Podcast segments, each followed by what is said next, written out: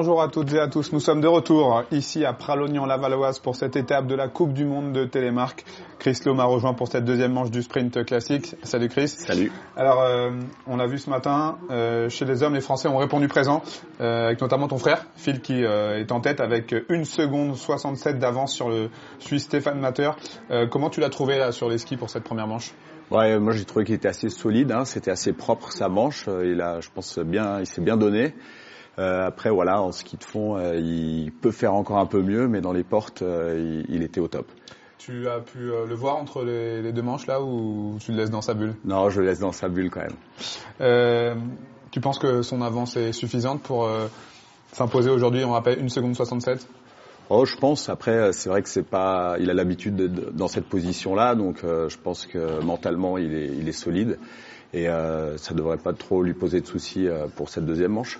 Est-ce que tu es étonné par ces performances, la, la longévité Continuer à gagner année après année, saison après saison? Non, non, pas du tout. Euh, il s'entraîne quand même beaucoup. Euh, c'est un gars assez sérieux. Donc euh, après, par rapport aux autres concurrents, peut-être il a un peu plus d'expérience parce que ça fait beaucoup d'années qu'il est sur le circuit. Et donc je pense qu'il va être, il va répondre présent pour cette deuxième manche. Et puis le petit frère aussi qui, qui se débrouille pas trop mal, on va dire. Ouais, ouais, ouais c'est ça.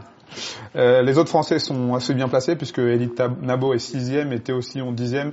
Euh, ça va être compliqué pour le podium euh, parce qu'il y a un petit écart entre les trois premiers, euh, mais ils sont là, ils répondent présents. Ouais, ouais, ils sont présents. Après, c'est jamais terminé. Hein. Vous savez qu'après, euh, avec les histoires de pénalité, le saut, c'est des choses qu'il faut bien gérer. Donc, si ces deux jeunes se donnent à fond, il y a moyen de remonter, voire même le podium. Hein. C'est jamais impossible en télémarque. Donc, contrairement au ski alpin où une seconde d'avance c'est beaucoup, en télémarque, ça peut vite se retourner euh, dans l'autre sens. C'est ce qui fait aussi la, la beauté de votre sport. Euh, je viens de le dire, euh, les écarts peuvent être conséquents après la première manche, et pourtant on peut avoir un classement chamboulé en deuxième manche. Exactement, c'est euh, l'histoire, c'est le suspense en fait euh, dans cette discipline. Alors comme pour le ski alpin, le, tracé a évolué donc pour cette deuxième manche. Est-ce que tu as quelques informations sur le tracé de cette de ce deuxième round? Bah, Deuxième manche, du coup, elle a été tracée par l'entraîneur anglais.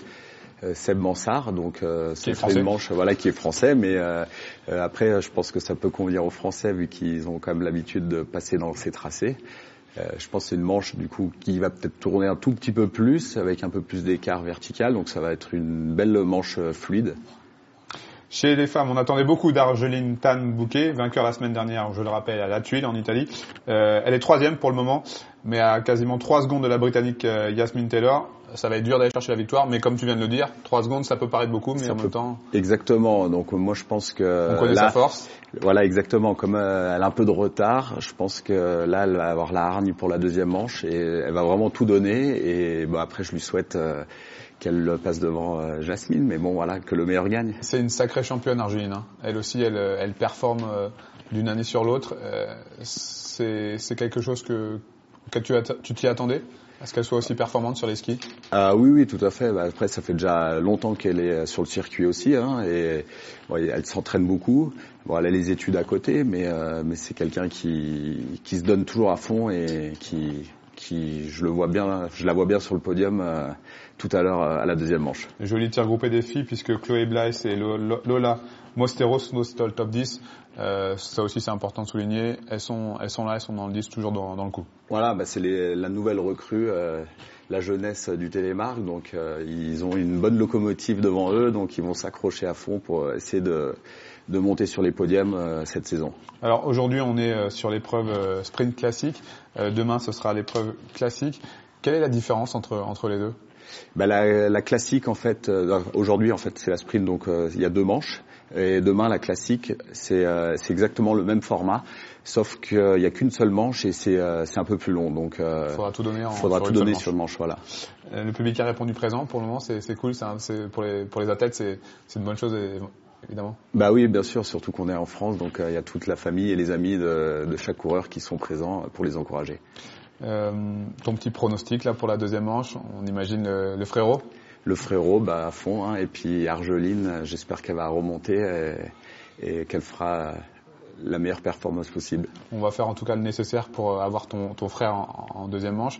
Euh, quand, quand, tu vois les, les, copains là sur les skis, ça te ça te démange pas un peu de, de, de reprendre les skis Alors, Je parle pas forcément de compétition, mais j'imagine. Euh, ah bah forcément, hein, surtout avec des conditions comme aujourd'hui, euh, c'est une neige. Enfin, les tracés ils vont pas bouger du tout. c'est une neige bien dure et agressive, et c'était les conditions que je préférais quand je courais. Donc c'est vrai que ça démange quand même un peu de, de vouloir prendre le départ. Qu'est-ce qui te plaisait toi dans la pratique de la, du télémarque à proprement dit? Bah déjà d'une c'était le côté euh, compète. Euh, et après, euh, bon, le T-Mark, c'est un petit milieu, donc tout le monde se connaît, c'est comme une petite famille. Et du coup, c'était la, la, relation qu'on avait avec tous les coureurs, et puis surtout les voyages. Et puis tout le monde s'entraide, s'encourage, donc c'est vraiment une ambiance particulière qui est vraiment vraiment sympathique. Tout à l'heure, j'ai eu Michel Vion sur le, sur le plateau. on a parlé notamment de la possibilité de voir un jour le télémarque discipline olympique. Euh, j'imagine que vous, les athlètes, ça serait une, vraie belle reconnaissance, récompense. Ah ouais, bien sûr, parce que en fait, par rapport aux autres sports qui sont olympiques, euh, on, produit le même effort, euh, que ce soit au niveau entraînement, investissement. On consacre toute notre vie à ça, et c'est vrai que si un jour ça, peut passer, ça serait vraiment vraiment bien. Quoi. Monsieur Vion m'expliquait que pour le moment c'est un petit peu compliqué parce qu'il n'y a pas assez de nations émergentes. Euh, pourtant, le télémarque est en, essor, en, développement. Oui, tout à fait. Après, euh, c'est vrai que tant que c'est un peu un cercle vicieux, parce que tant qu'on n'est pas olympique, il y aura moins de nations aussi, et puis vice versa. Donc, c'est vrai qu'il faudrait que que ce soit un peu plus médiatisé aussi pour aider le sport à, grandir. Quand on, quand tu as choisi de prendre ta, retraite, dernière chose, on est à cette dernière question. Euh, ta reconversion, tu l'avais prévue? Déjà C'était quelque chose de... Plus ou moins, oui, oui. Donc bah, bah après, moi, j'enseigne euh, toujours euh, parce que j'adore ça. Euh, je fais pas mal de cours de télémarque aussi. Et puis, euh, puis j'ai repris le resto familial, donc donc c'était prévu. Nickel. On se retrouve donc dans, dans à peu près une heure après les courses. On espère bah, qu'on aura des, des, Français vainqueurs. Très bien. À tout à l'heure. À tout à l'heure.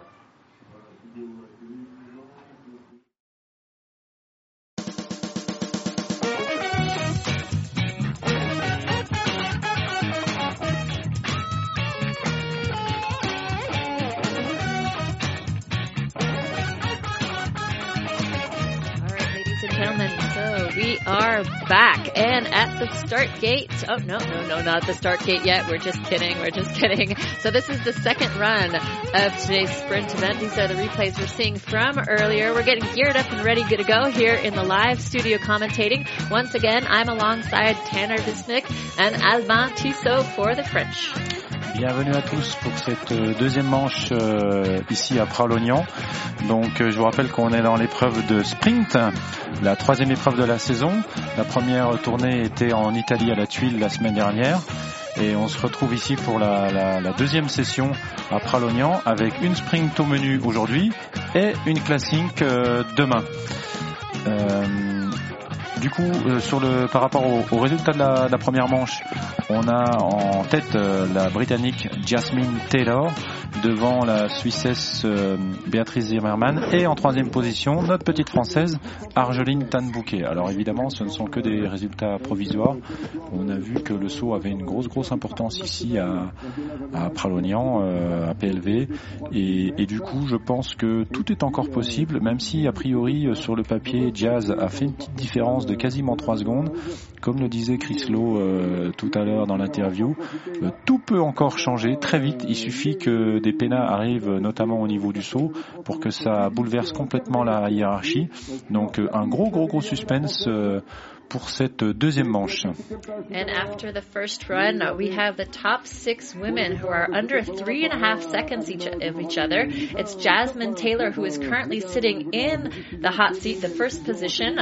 Jasmine is about a 2.28 second lead over second place Beatrice Zimmerman. But I have a question for Tanner. Tanner, so you're a World Cup athlete, and we all know that uh, Seb, her coach, is the one who set the course for the second run. The first run was set by Rudy from Switzerland. Is it Jasmine's advantage or her disadvantage that it's her coach that said it? How does her psychology, her mental play into this game now? Well, technically it is an advantage because she'll be used to the courses that have been set by Seb. Seb sets in a very uh, particular way. He likes to vary the distance between the gates. He likes to shorten the distance as uh, the course approaches the loom and the jump, and he also likes to set um, really long lines and a big uh, distance from the, the line to the first gate. So Jazz is used to training in that course, so she um, that is an advantage for her. But psychologically, it's difficult when um, you're ahead by two seconds and you know everything is like being aligned in your favor and like and being able to keep that focus, knowing that you know the pressure's on with your coach setting, and being able to stay calm in that moment and still deliver on the on the hill. On voit ici les, les monitrices de Pralognan-Lavanoise qui ont euh, préparé de, avec beaucoup d'attention cette piste, mise en place des filets. Il y a une grosse grosse organisation ici dans la station. Ici Margot, euh, qui est justement de Pralognan et qui participe à sa première Coupe du Monde. Pour en venir à ta question, Monica, oui, sur, euh, sur la- l'avantage d'avoir son entraîneur qui trace euh, ou pas la course. Je pense que le, tracé il est quand même assez formaté et imposé par le, par le type de piste. Euh, euh, la seule chose sur laquelle il peut jouer Sébastien, c'est peut-être le saut. On peut dire que Amélie est pas en très très grande forme sur le saut, alors il pourrait mettre une ligne assez loin. Mais Diaz n'est pas non plus spécialiste du saut, donc euh, non, je pense que pas forcément pour le coup un, très très gros avantage par rapport aux autres concurrents d'avoir son entraîneur qui trace aujourd'hui. C'est parti Allez, c'est parti. And here we go, ladies and gentlemen. We've got Julie Bourbon on the hill. Now onto her second run. Julie is a very strong racer. She had a fall before the wrap uh, earlier, so she, I'm sure she'll be looking to take a pretty good advantage uh, in the second run. She had a good ski there. Um, I'm not quite sure she made the line, but looking very strong in the skate. Alors ce qu'il faut dire c'est que on inverse, hein, on inverse l'ordre des concurrentes. Euh, les filles euh, étaient 17 euh, arrivées en bas, donc euh, la 17e euh, part première à la deuxième manche. Et là on a Julie en course qui avait fait le 15e temps de la première manche. So Julie clocked the 15th fastest time after the first run, and we're going in a reverse order. And now, so currently she is 8.81 seconds ahead in first position after the second run. Julie Bourbon from France. Donc pour l'instant, bah, c'est évidemment le, le temps de référence, mais qui est, qui est amené euh, évidemment à évoluer de manière positive, puisque plus on va avancer dans les concurrentes, plus on va avoir des filles qui, qui ont été performantes euh, lors de la première manche. That's right. After each racer we get going on through the list, that means the races will get faster and faster, so these times should be going down. And each one should be taking the hot seat on the leaderboard. Right now we've got Lali Chopeta on the hill. Qui était sa première course, hein, elle n'a pas de référence en Coupe du Monde, donc euh, ben, grand mérite à elle. Elle fait sa, ses premières expériences en Coupe du Monde. Toujours un petit peu la pression en plus ici à la maison. Yeah, I bet. A little bit of pressure for Lali. This is her first World Cup. No results last year because this is her first year competing with the big guns, so to speak. And here she is back into the giant section at the very bottom, trying to get that energy mustered up to lunge across the finish line. Currently taking second, six seconds behind the leader. On a donc toujours euh, Julie Bourbon qui mène cette deuxième manche. euh, meilleur temps donc provisoire. Donc vous voyez que le, évidemment le saut, le loom, la partie fond n'ont pas changé. hein. on a juste euh, repositionné les portes euh, du, du premier géant, de la première section géant. So the second run is a different course in and of itself. Yes, definitely, but the loom and the jump have not moved, obviously. So it's just the gates that have been repositioned. And we'll have to see how the racers do, but from um, from our perspective, it looks like they set the line a little bit further. We'll see how that plays a role in the rankings for the second run. I know Seb likes to set a really far line. La ligne, tu dis qu'elle est un peu plus loin. The line is a little bit longer. Yeah, uh, it appears so from um, from the view on the on the television. Uh, I know Seb set uh, one of the courses in La Tuile, and uh, none of the men made the line, so very very difficult. Bah, stratégiquement, euh, moi, si j'étais, euh, si j'étais de lui, Sébastien, c'est vrai que je mettrais une ligne, je mettrais une ligne qui est, qui n'est pas faisable, pour être sûr que bah, les concurrentes qui sont euh, juste derrière euh, Jazz euh, ne fassent pas la ligne. Euh, à la limite, vaut mieux que personne ne fasse la ligne. La, la mauvaise, le, mauvais scénario, ce serait que Jazz ne la fasse pas, puis que ses concurrentes la fassent. Donc, en mettant une ligne le plus loin possible. Pour moi, ce serait le, le, le meilleur choix possible. That's a very interesting tactic. So Alban here, she's saying that uh, Seb is the course setter. Seb is also Jasmine Taylor's coach, who's currently in first position. And Alban was saying if he was the coach strategically, he would place the line very far. This way, the other girls would not be able to make the line because, again, Jasmine does have about a 2.3 second advantage over the next racer, who is Beatrice Zimmerman. So even worst case scenario, if the girls, the other girls don't make the line, and I don't know if I'm supposed Ah,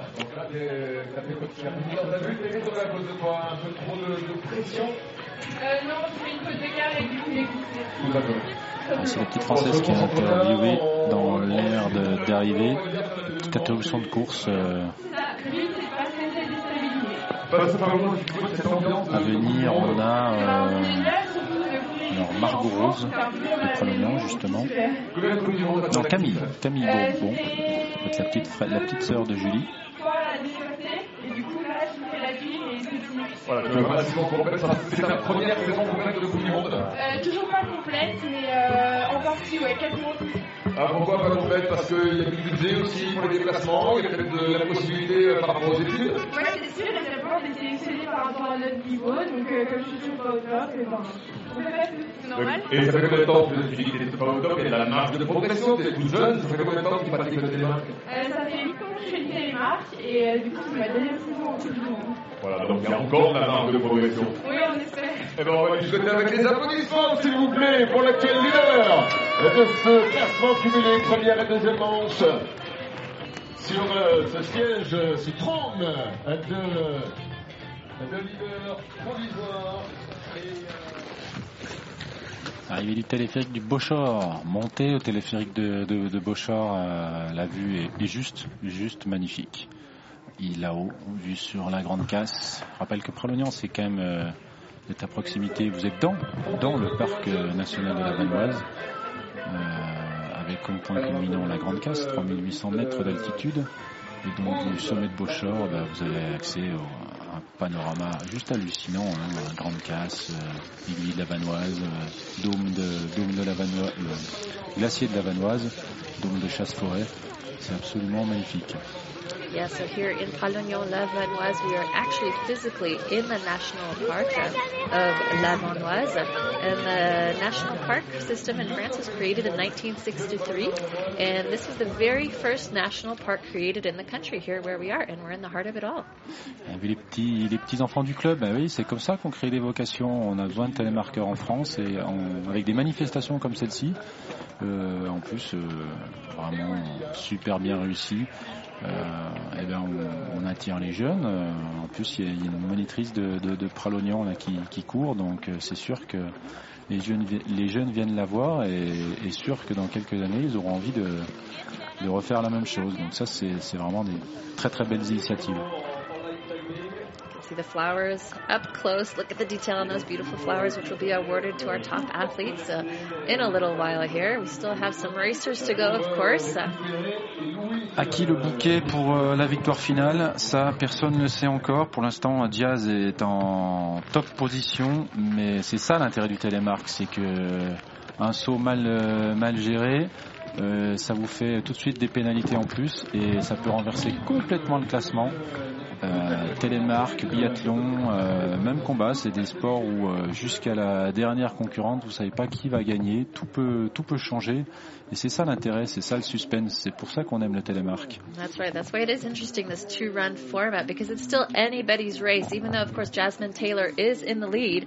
But this race really, really depends on the jump. It could switch up so quickly. For example, if Jasmine misses the line, but Beatrice makes the line, it's, or, or Argeline or Guillaume, those top six girls, it's still anybody's race. Alors, Jusqu'à présent, les, courses féminines étaient assez fermées parce qu'on avait le mastodonte euh, Amélie Raymond qui gagnait tout. hein. Je rappelle que sa dernière saison, elle a juste tout gagné. Donc euh, voilà, il y avait Amélie et le reste du monde. Et puis depuis sa, retraite momentanée euh, pour cause de, de naissance, hein, elle est une petite fille. maintenant, elle est revenue, mais alors est-ce qu'elle a n'a pas encore récupéré son, son, top niveau ou est-ce que ce sont les, sa concurrence qui s'est euh, affûtée Peut-être un peu des deux. N'empêche qu'elle est beaucoup moins sereine. On l'a vu euh, fébrile euh, à la tuile en sprint.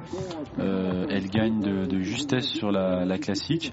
À la faveur d'un saut euh, qui est considéré comme euh, non pénalisé. Euh, tant mieux pour elle, mais n'empêche qu'elle s'est mise, elle s'est mise à la limite. Est à la limite de la rupture, Amélie, parce qu'elle a, la pression maintenant. Peut-être qu'elle ne l'avait pas avant. Elle sait que si elle fait la moindre erreur, elle sera plus devant cette fois-ci. Il y a Jazz, Jazz, Argeline qui ont eu dans long, qui ont appris à gagner. Et quand on a gagné une fois, ben, on a envie de, remonter sur la, première marche. Et donc ben, ça c'est bien. C'est bien pour nous parce que maintenant euh, euh, il y a beaucoup plus de suspense euh, qu'auparavant. C'est reparti avec Camille Bourbon certainement.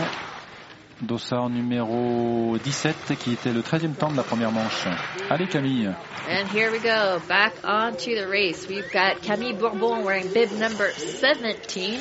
She finished with the 13th fastest time after the first run this morning. Here she goes off the jump. Not really sure if she made the line. What do you think, Tanner? Yeah, it looks like she was a little bit short there. Um, but solid, uh, solid skiing afterwards. Um, from what I could see in the, the GS, looks like she's driving a little bit with her outside arm, which is causing her to to wash out slightly. But um, every time you can tell she's really fighting that. Um, and she did a good job of staying, um, staying online and herself from sliding out and staying upright through that course. Je pense que pour elle, le, but, elle a, elle a, pas fait la ligne, hein, clairement, mais il faut, pas l'objectif. L'objectif, c'est de finir la course, de marquer des points, de descendre ses points de façon à, ben, en, à emmagasiner, euh, à récupérer une meilleure dossard pour les courses suivantes. Puis de toute façon, la ligne, euh, si elle est vraiment lointaine, ne même pas la faire, mais assurer les portes suivantes. Elle est deuxième. Elle est deuxième. Euh, Camille. Camille Bourbon in second position, directly behind her big sister, Julie Bourbon, who is currently the leader. And Camille, this is her first year on the World Cup circuit, so this is a new experience for her. Was lucky enough to chat with her yesterday. She was super excited, a little bit nervous, but happy to be racing amongst these elite athletes. Margot euh, au départ, Margot en course qui va faire le saut de Pralognan. C'est bien, c'est bien. Elle s'est fixé un challenge, Margot. Elle est pas du tout dans le circuit du Monde. Et, euh, euh, je sais plus quel âge elle a, mais elle est plus forcément toute jeune. Mais c'est un gros challenge pour elle. Elle s'est entraînée euh, sérieusement pour ça. Elle va peut-être, c'est peut-être la seule course qu'elle va faire de la saison, mais elle voulait être présente chez elle à Pralognan. The racer we see on the on the screen now, her name is Margot Rose, and she's a local girl here from Radognon, La Vanoise, taking her first World Cup start. It might be the only one of the season, but we're super happy to see Margot out on the hill here today. It's interesting to see Monica because it looked like she jumped pretty. Ooh, just getting caught up there, but staying upright. Looks like she jumped pretty far and appears to have made the line. Wow, so, look at her, and she even um, takes the lead there. Yeah, we'll have to see if. Uh, my prediction was correct about the line being far out. Yeah. It feels like the girls are making it, so we'll have to see. And next up, it's Eloy Ravanel from the Chamonix Valley, taking her start now, looking nice and smooth. Big, round, wide turns coming into the gates, playing it pretty safe for Eloy. Looks like she's keeping a pretty wide line. It was a really strong skier. I had the opportunity to train with her um, in Chamonix. She's got a very stable technique. She skis a lot with Argeline. Elle assure, elle assure ses lignes, elle assure, euh, elle assure là dans, le, dans la partie la, la, la, plus raide. On va voir ce que ça va donner au saut. Belle impulsion. Elle passe pas la ligne, elle réceptionne pas telle marque non plus, je pense. We might have a few penalties for Ilue off of that jump. Not sure if she made the line nor if she landed it in the telemark position. We'll see in the bottom of our right-hand screen soon enough how many penalties she did take off of this run. Elle n'était pas la tuile, euh, Iloé, en tout cas elle n'a pas de référence sur euh, cette année. Hein. Donc ça va être vraiment ses, ses premiers résultats, première course de la, de la saison. You can see that Seb set the opposite foot off of the jump, and it appears that the skiers have to get quite a bit of direction, meaning that they have to uh, be very mindful of their line off the jump because you have to jump pretty far to the skier's left, looker's right, to be able to be set up for that next skate. And either way, crossing at a 251.44, eight seconds behind the leader. Bravo Eloé. She's looking a little bit surprised at her time. Margot ici qui, qui pour l'instant eh ben, tient le, temps de la course. C'est bien pour elle. Je pense qu'elle s'est mise un peu la pression. Elle a fait quelques erreurs là sur une bête sur la, fin du parcours skating. C'est un peu le un peu la, pression pour cette première course. euh, mais bon, c'est bien. Elle a découvert ce qu'était une, Coupe du Monde de télémarque. C'est quand même bien différent des entraînements qu'elle a fait sur cette même piste la semaine précédente. Et en course, en course encore une Française, Lola Mostero, next up, it's Lola Mastero, also from France. Aïe. Ah, elle s'est fait avoir. Alors là, c'est une erreur classique sur la, la transition. Euh, le changement de jambe télémarque qui se fait en plein sur la- le, le changement de pente. Elle s'est fait avoir à ce niveau-là. Elle a perdu sa vitesse avant l'entrée du mur. A few mistakes for Lola getting caught up on the gate, not making the line. Oh, it's really slowing down in the loom there. Now she's got to really push hard to get that speed back, back up through this skating section. Yeah, it looks like she caught her arm on one of the gates up there, getting a little crossed up. It's a little bit harder to negotiate gates with a tight line in Telmark because uh, these skiers have to ski with these really long poles, and it's somewhat awkward because they uh, hang out the back pretty far, and so that causes some difficulties for our competitors. Yeah, it's interesting to know that for the, the poles that they are longer than what you would just ski in the giant in the in the gates, but they need those long poles for the skating section Yeah, in order exactly. to push properly because if they don't have the long poles, then when they get to the skating they just they just can't do it. Ouais, donc c'est vrai que c'est ça, c'est intéressant de le noter. Du coup, ça nécessite eh ben, de s'entraîner régulièrement avec ces longs bâtons. Euh, bon, c'est une question d'habitude hein, pour euh, avo- avoir les repères, mais c'est sûr que skier avec ces longs bâtons, c'est complètement différent que le ski avec des bâtons classiques euh, de géant. Sometimes those long poles they get caught up on the gate as we saw what happened with Lola. Et Margot bah, qui réalise son rêve, hein, puisque pour l'instant elle est toujours en tête et Allez, elle est bien assise euh, Margot. confortablement sur la, la chaise euh, de la première. Alors est-ce que ça va durer? On l'espère pour elle, On mais, j'en doute. Berit Junger, l'allemande euh, en course, 19 ans. 9 départs en Coupe du Monde pour l'instant. Elle était 12e à la classique euh, et 11e à la sprint la semaine dernière à la tuile en Italie. And Barrett Younger. So she had the ninth fastest time after the first run this morning. She's got nine World Cup starts under her belt. Berit qui était sensiblement dans les mêmes temps que, euh, que Margot euh, en ce moment en tête. Donc euh, il y a fort qu'elle fasse une belle course si elle veut euh, prendre le, le leadership. As you can see, she, she had some difficulty after the jump there. She got into Telmark and was a little too close to that gate, so I had to wait to get on edge. But she recovered quite well. You can see her teammate Julian is uh, cheering her up the hill. Elle qui nous expliquait que son point faible, euh, bah, c'était le skate. Alors, on voit ici qu'elle n'est pas tout à fait euh, à son aise dans la, dans la relance du skating. Bon, alors c'est un petit peu moins préjudiciable que sur une euh, classique, mais enfin, elle va perdre quand même, concéder un petit peu de temps. Effectivement. She was in a bit of a tuck position before going through these gates. Now we can see she's lowered her arms, probably to avoid the poles getting stuck on the gates, as previously we saw with Lola. And Barrett crosses the line in third position. Ouais, dû à ces 3 secondes de pénalité, un skate moyen, ben, elle n'arrive pas à, à reprendre la première place et c'est toujours du coup Margot qui reste en tête. Ben, elle fait une belle remontée, c'est bien pour elle. Elle visait, alors pour tout vous dire, elle visait euh, un top 5. Bon, elle avait raison de- d'avoir des objectifs euh, prétentieux, c'est bien. Est-ce qu'elle y arrivera? Ça va être difficile. En tout cas, pour l'instant, elle se rapproche tout doucement du top 10. Chloé Blythe au départ. Les Chamoignardes. And Chloe Blythe on our screens now had a very nice first run, finishing eighth overall, about seven seconds behind the leader Jasmine Taylor off of that first run. So she just got a little bit too close to that gate there. She was really literally pushing it out of her way. Uh, Chloe has a really fluid technique. She links her turns quite well.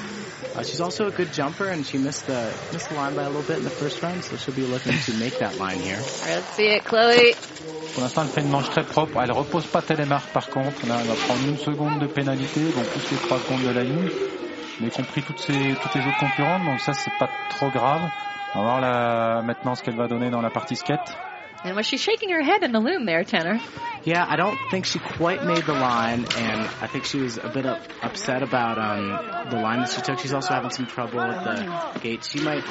Um, this is a longer sprint than normal, so she is uh, likely tiring from the difficulty of having to do two uh, longer runs. This is about 15 seconds longer than the average. That's sprint we right. have The average World sprint Cup. is about 55 seconds for the top women, and here they're, the girls are clocking about 115, 120 per run. So that makes a huge difference percentage-wise. Yeah, it does. And the equipment they're on is very heavy as well. Ça va être serré, ça va être serré, mais elle prend le, le leadership. Oui, ça y est, c'est fait. Elle fait pas un super fond, mais elle avait, elle avait fait la différence clairement dans, dans le géant, Chloé. Un géant propre. And Chloe Blythe takes the lead away from Margot Rose. So now it's Chloe's turn to sit in the hot seat at the leaderboard. Now we've got a screenshot of the World Cup leader that was Argelina waiting her turn. But next up it's bib number 10. Simone Early. Pour l'instant, on voit par rapport au premier tracé que la, porte au niveau de la, rupture de pente passe un peu plus difficilement. Euh, elle a mis en difficulté euh, un certain nombre de, concurrentes, ce qui n'était pas le cas sur la première manche. Seb a, planté vraiment euh, cette porte rouge, on va le voir ici à l'écran. C'est pas celle-ci, voilà, c'est celle-là, la porte rouge là qui est pile sur la cassure. Et au niveau de la, la transition euh, du, du changement de jambe, et ça pose, euh, c'est assez délicat à gérer en tout cas. Yeah, and from the perspective, it looks like it's very, very close to the hill actually, that, that red gate. Yeah, that red gate is proving difficult for these competitors. You set it on a roll, and so you have to um, kind of adjust your body position height and your pressure because if you compress and you edge too hard right at the gate, then you're just going to get popped like she did because the, the hill is essentially coming at you. So you have to be really subtle and you have to slowly apply pressure while also compressing and bringing your legs out before extending out of that turn. Ah, c'est ce qui est le plus dur à gérer, hein, c'est les mouvements de terrain au niveau des, des transitions, des changements de jambes en télémarque, c'est vraiment euh, très délicat à, à- à le faire de manière douce et efficace. And you can see on the red line there, just to give you guys a little bit of insight into the blue markings and the red markings, when you see the red spray paint on the snow, that means that the athlete has to then go into the telemark position. And Simone Orly taking the lead. Ah, Simone qui avait, euh, qui avait quand même une belle avance hein, par rapport euh, aux concurrentes précédentes lors de la première manche et donc qui prend logiquement la première place provisoire. À venir, à venir, Johanna Holzmann, la vainqueur, euh, la numéro 1 du classement général euh, de la saison précédente. Elle fait une première manche très moyenne. Elle va avoir à cœur, j'en suis sûr, de faire beaucoup mieux à la deuxième manche. C'est parti pour Johanna. Yeah, we hope for Joanna that he- she has a better second run than her first run. She was about 3.5 seconds before uh, behind Jasmine Taylor after the first run this morning. Who has a beautiful ski technique. You see her hips are square. She gets good angulation with her lower body. Sometimes her line is a little bit wide. A nice solid jump. Didn't see, appear that she got the landing. C'est pas là. Si elle, a, si elle a la ligne, euh, alors là, assurément, ça lui donne un sacré bonus parce que je suis pas sûr que les concurrentes aient eu la ligne depuis le départ. Euh, on va voir. hein. On va voir les pénalités du, du saut si elles apparaissent. Là, elle est dans sa discipline de prédilection, le skating. Allez, Johanna. And it looked like she put the brakes on a little bit before going into the loom there. Yeah, that's a strategy that these racers often employ because if you can um, Um, slow down slightly before that turn and arc cleanly through it instead of scrubbing a bunch of speed in the early part and coming out slow, it often pays dividends. And we saw in Latuile a lot of athletes doing that as well. And she crosses into 229, t- t- taking a 10 second lead with zero penalties for Johanna Holzmann from Germany. Nice work. Ouais, c'est logique. Hein. Elle prend pas de pénalité au saut, donc forcément, elle a un avantage euh, considérable. Euh, en plus, elle avait quand même un- une bonne petite avance par rapport à ses concurrentes précédentes, euh, par rapport à la première manche. Donc Johanna, pour l'instant, solidement accrochée à la première place. Mais, mais, mais, qui arrive, c'est la Suissesse Amélie Raymond. And Amelie Wenger Raymond pushing hard out of the gates. She is definitely going to try and catch Johanna Holzmann here. Ah, pour moi, si Amélie, elle fait, euh, elle passe la ligne, si elle prend pas de pénalité comme Johanna, elle doit, euh, elle doit être devant parce qu'elle est quand même euh, beaucoup plus rapide sur le géant. C'est pas en fond qu'elle va perdre du temps sur l'allemande. On va, tout va jouer au saut là. Vraiment intéressant de, de voir ce qui va se passer dans quelques secondes. Ouais, elle passe le saut. Elle passe le saut, donc euh, une belle manche pour l'instant, Amélie. Allez, il lui reste juste la, la dernière poussée au fond. All right, so Amelie made the line. Hopefully, no penalties here. So, in theory, at this point, we think she will probably be faster than Joanna Holzman. But it's not over till it's over. Here she comes around that gate, pushing as hard as she can, really trying to get into that skating mode as fast as she can, going through these yellow gates, powerful and strong. Ah, pour moi, elle est devant. Elle fait un meilleur euh, au chronométrage manuel. Elle est un petit peu devant au niveau fond par rapport à l'allemande. Donc, euh, logiquement, elle devrait arriver en tête. And she Ouais. lunges to the finish line, yes, with a 227.14, a two second lead over Johanna Holzman. Ouais, c'est logique. Alors là, euh, c'est intéressant. hein. Là, c'est vraiment un temps référence. Euh, ça va être. il va falloir aller la chercher. Beautiful run from Amelie. You can see she pushed really hard through that skate. That's where she was able to press her advantage. She's probably the fittest woman out there, and uh, being a slightly longer skate than normal, she was able to take a big advantage there and continuing that after her clean ski and her beautiful jump. Alors à venir, là, la, la, la norvégienne du L2, Shell 7. Alors avec elle, tout est possible. Elle, elle va tout tenter. C'est pas le genre de fille qui réfléchit ou qui a peur. Elle met la position de recherche de vitesse. Elle a raison, hein. Sur la partie basse, sur la partie plate, excusez-moi. On la voit dans la transition, là. Ouais, Oh! pareil. Elle est vraiment difficile à négocier, hein, cette porte. Plus, plus d'une se, se- s'est fait avoir. Elle refait Oh. exactement la même erreur qu'à la tuile. Elle envoie euh, à fond. Euh, elle incline vachement les épaules à l'intérieur de la porte et, et ben ça passe pas. Hein. Dans le mur, ça passe pas ça. But she's still going. Good for her. She says she did mention yesterday when we were chatting with her, Tanner, that her she just goes. She goes all out. There's no breaks in her head. She just goes no matter what. We did see a few errors, but look at her. She didn't get phased by it at all. Probably disappointed, of course, but she's still going. Fight until the finish. It's not over till it's over. Il va Yeah. falloir qu'elle change de, de stratégie parce que euh, alors c'est intéressant hein, parce que dans la, la- la classique euh, il y a il y a quatre jours là, elle a une fois la faute, deux fois la faute, trois fois la faute. Elle a insisté euh, parce qu'elle est restée quand même dans le dans le tracé et elle s'est mise sévèrement euh, au tas. Et là elle refait exactement la même erreur. It's awesome to see these athlete- athletes continue to fight after they make a big mistake because she might be out of the podium contention, but she still can get a solid top 10 result out of this. After she made that mistake up high, you can tell that she was a little bit rattled mentally because she continued to make some mistakes in the steep pitch. Um, but after the jump, she composed herself well and uh, hustled through that skate and uh, managed to get back in the top 10. That's right. On voit bien là sur ce ralenti, elle vient incliner, euh, le, le- elle vient poser le bras intérieur euh, au passage de la porte. Et alors il y a, y a Philo qui arrive à faire ça, mais, mais Philo il a peut-être pas les mêmes appuis hein, au niveau des pieds. Avec Phil ça passe, avec euh, elle ça passe pas. En course, euh, la française Argeline Tanbouquet, allez on est tous avec elle, on a envie qu'elle gagne Argeline, évidemment. Argeline is a very aggressive skier. You can tell that she has a quick transition between. Oh, it looks like she got caught up on that roll there. That uh, has been. Everybody. Oh yeah, my everyone is uh, getting thrown off by that. We'll see how that affects her time. Elle arrive pas dans les meilleures conditions pour le saut. Alors, elle a fait vraiment des, des- des grosses fautes dans le mur là, ce qui la pénalise lourdement pour le saut. On va voir si elle a fait la ligne ou pas. C'est délicat à voir. Allez, Argeline. Yeah, a lot of mistakes going into the jump. Unfortunately, we could see that she was totally off balance going into the jump. The landing probably not gonna not gonna be a smooth and clean one, so she will pick up some penalties there. Bon, elle prend pas a priori de pénalité pour la ligne. Tant mieux pour elle. hein. Elle fait un saut, un- par contre un ski de fond hyper dynamique, hyper énergique. Ça c'est bien. Si, si, si, elle prend la, la pénalité sur la ligne. Excusez-moi. Looks like Argeline did get the jump landing penalty as well, so that should prove costly. We'll see where she ends up at the end. Ouais, c'est terminé pour Argeline. hein. Elle n'arrivera pas à récupérer le temps. Un troisième temps pour l'instant. Elle est derrière. So behind by 7.67, Argeline Tanbouquet from France, currently in the third spot. Elle perd la course vraiment sur, ce- sur cette porte, hein, cette entrée de mur.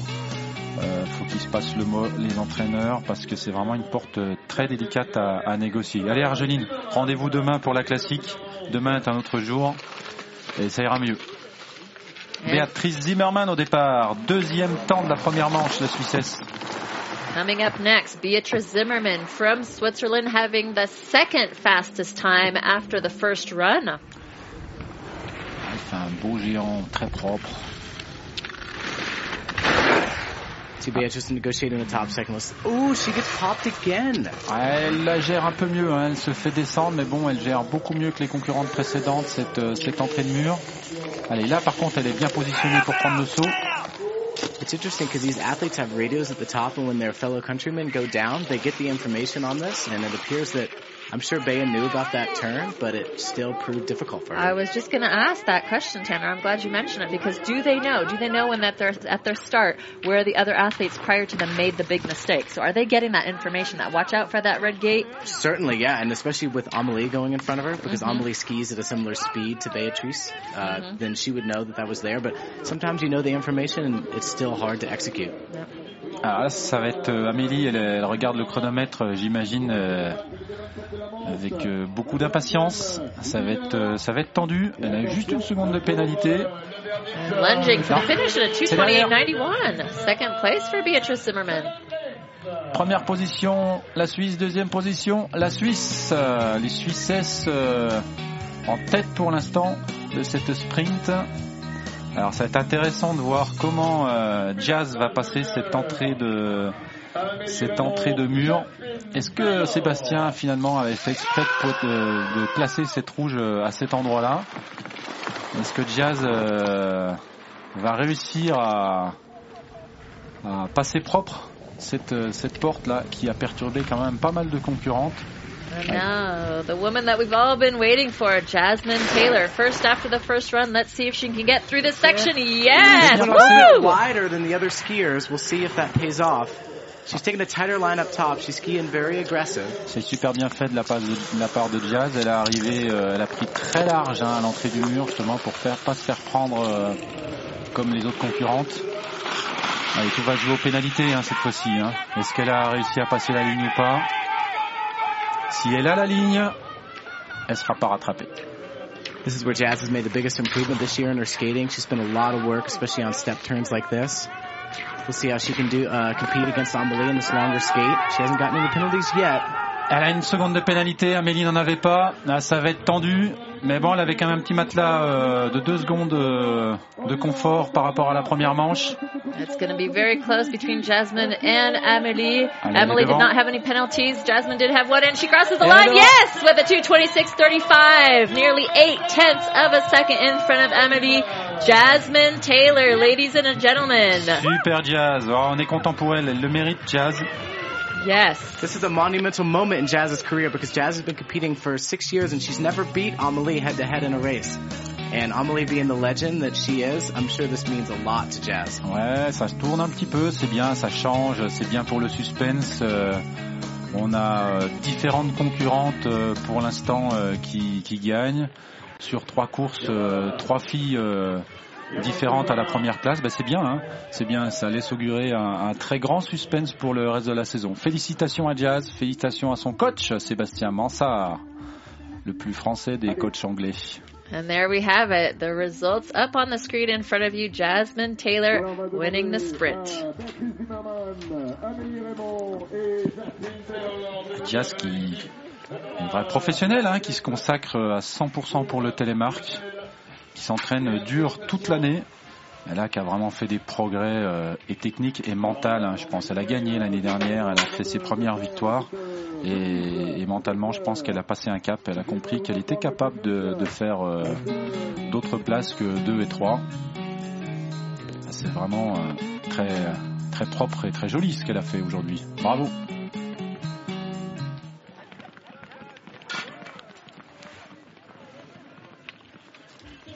Mesdames, Mesdemoiselles, Messieurs, avant d'ouvrir cette cérémonie de fleurs, l'hymne de la euh, Stevenson.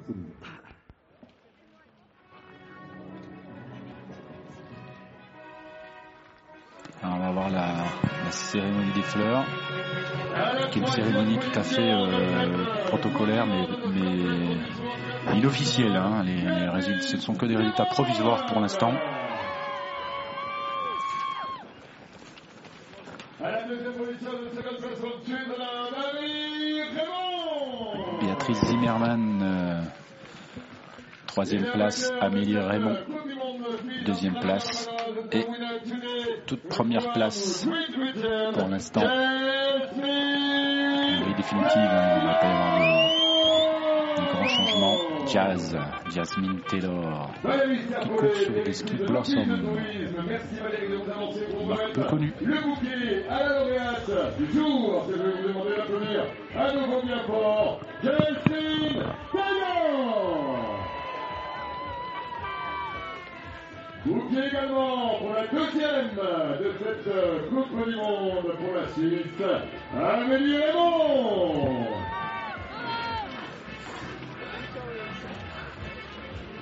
Et derrière de fleurir ce podium de très haut niveau international avec pour la troisième place, von Sutton Béatrice Zimmermann.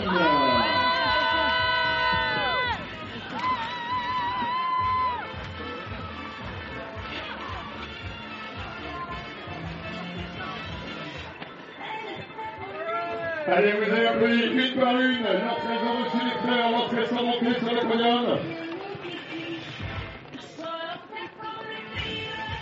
Eh bien, j'aimerais maintenant qu'elles sont toutes les trois à votre disposition, le public de Prévenant.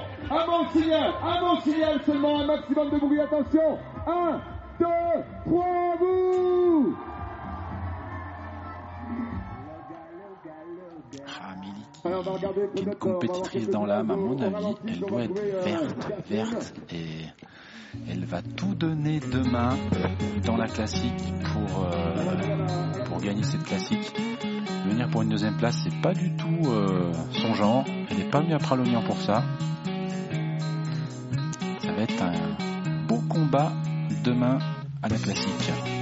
Tout à fait, on a hâte de voir ça. Hein,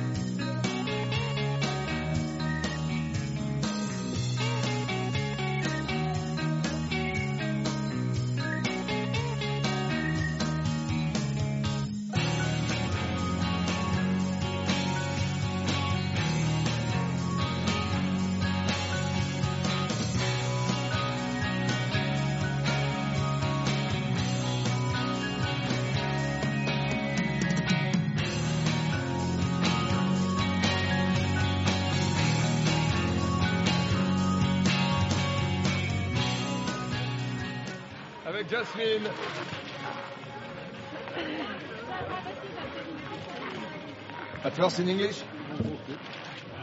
At first in English and after in French? I'll try. Jasmine, congratulations for your victory today. Uh, just a word about, about it.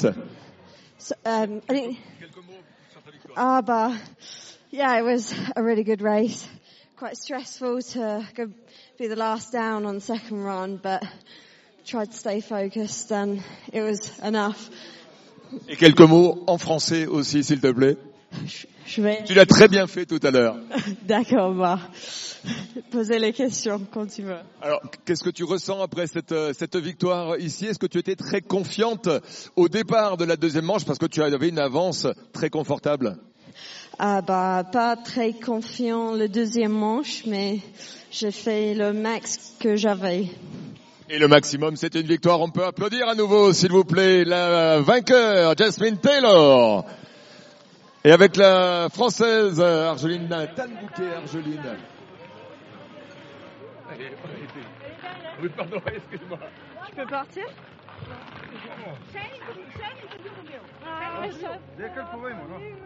Pour the French You can write, you can tell in the Allez, on va, on va interviewer la première française. one, one more interview. He will have one more interview.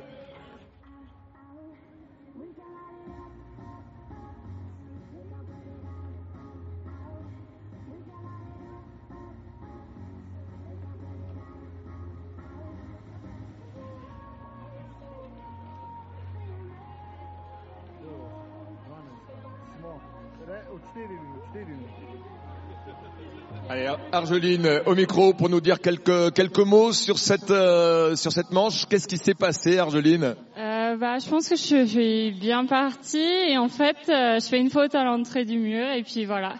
Après, j'étais sous les lignes tout long, j'ai essayé de rattraper, je me suis pris une porte dans la tronche au saut et voilà, j'ai pas la ligne, j'ai pas la récesse, ça fait beaucoup de peine. Donc euh, bah voilà, ça me met derrière. Je suis carrément déçue. Je suis déçue pour euh, tous ces gens de Pralognan qui, il y en a beaucoup que je connais et voilà, j'ai pas, j'ai pas réussi à faire le ski que je, que j'avais envie de produire, donc un peu déçue, mais rien à dire sur les conditions, c'est top. Euh, Pralognan a beaucoup fait, beaucoup travaillé cette piste, ça sent et merci à eux. Très bien. Et est-ce que tu peux nous dire la, la même chose in English, please, the, the same things? Uh, yeah, of course. Uh, yeah, I'm a bit disappointed of uh, that that run. I made a mistake, and then when I was uh, so late on my line, I missed my jump, and well, not a good race for me today. A big thank to Pralognan and all the people who uh, made the race great. Ok, merci beaucoup, Argeline Tanbouquet. On peut l'applaudir, s'il vous plaît, pour atténuer sa déception. Faire sur une porte, hein, celle-là.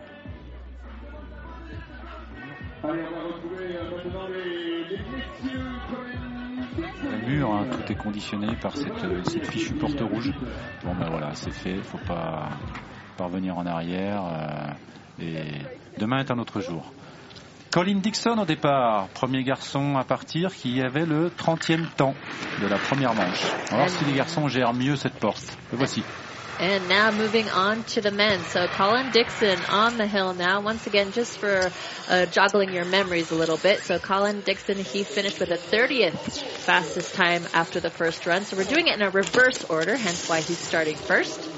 Colin un peu sur la, la retenue, on voit qu'il manque de, de prise de terre avec la jambe extérieure en fait. Une position un peu cow-boy. Il vient se caler sur la, jambe interne, mais euh, un peu mise à plat du, ski extérieur et bien forcément ça, manque un petit peu de, peps dans la courbe. Ça descend un petit peu dans, la courbe et ça ne permet pas de, de garder la ligne et de générer suffisamment de vitesse. Colin's a very strong skater. You can see uh, good technique up that uphill right there. Ooh, looks like he made a slight hiccup there on that first blue. And here we can see a little bit of the shadow coming in, so the light change too. It might play a little bit of a difference in them toward the end there, but they just got to go all out anyways across those final 15 meters as hard as they can go, straight line it across the finish line. That was Colin Dixon, the first one out of the gate for the men. Next up, we've got Melvin Ray from France. Ok, euh, Colin qui, à part le- la ligne, hein, fait, fait une course propre, hein, pas de pas d'autres pénalités. Le petit français au départ, Melvin Ray, qui nous vient de Pralou. Pralou, euh, je vous rappelle, là où aura lieu la prochaine course, Coupe du Monde. Yeah, Melvin Ray from Pralou, uh, which is Monica, the tu next stop. Yes, I'll be there. Et toi, Alban, tu seras pas avec moi, Eh ben non, moi je serai Ah. à Pézé-Valandry. Ah bah viens avec nous quand même. C'est beau aussi, mais bon. Voilà, Melvin dans le, dans le mur. Il vient boxer cette porte. Ah, l'attaque, c'est bien. Oula, il est parti en Ouch. déséquilibre sur le saut. Ah, il- Oh, he's going back. Good Oh. for him, Melvin. ah, il a raison, il faut qu'il finisse, il faut qu'il marque des points. hein. Il n'a pas de référence en Coupe du Monde, donc il faut qu'il marque ses premiers points. Et pour marquer les premiers points, il faut finir.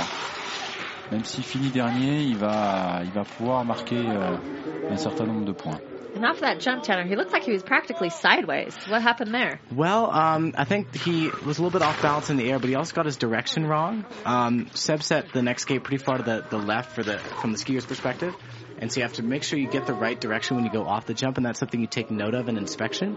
And I think what happened to Melvin here is that he probably had like you know in the moment of the race, sometimes you forget exactly where you're supposed to be going, and he probably uh, went off, and you can't see the landing, and he went off and realized that he was um, too far to the right, and tried to correct sort of in the air, and then once he landed, and it wasn't enough, and he went around the wrong side of the gate. And for the second run, when they're doing their inspection, are they actually jumping again, or is that just in the morning? Uh, they're not jumping. They're but not they're allowed to for- go to the lip of the jump and the, inspect the um, the direction, and, Okay. and everything else is the same. On va dire que c'est une erreur de débutant. hein. C'est vrai que l'inspection du saut elle est, elle est fondamentale. euh, pour euh, arriver à bien mémoriser où est la, la porte suivante, la, la- la- la- la- juste, la porte juste après le, le tremplin. Et là, bah, il s'est fait avoir, euh, le petit Melvin. euh, euh, il fera plus attention euh, la prochaine fois. Ça passe bien là, hein, ça passe beaucoup mieux cette, euh, cette porte rouge. Peut-être que les, les coachs ont donné des directives un peu plus précises pour les garçons. And it's Valentin Rodri from Switzerland, 19 years old. Il est parti, euh, il est parti arrière là, il nous poussait beaucoup trop, euh, beaucoup trop vertical, ce qui lui a pas permis de reposer Télémarque euh, à l'arrivée du, l'arrivée du saut. Tout se joue au niveau de la poussée. Hein. You can tell that wrap is getting a little bit ragged at the bottom. Um, there seems to be an established race line that is forming, but it still looks quite chattery. Valentine negotiated it quite well. And it looks like he took the gate in the other direction here. This He did, yep, he did. And uh, it appears that they set it once again in inspection, so you could go either way around it.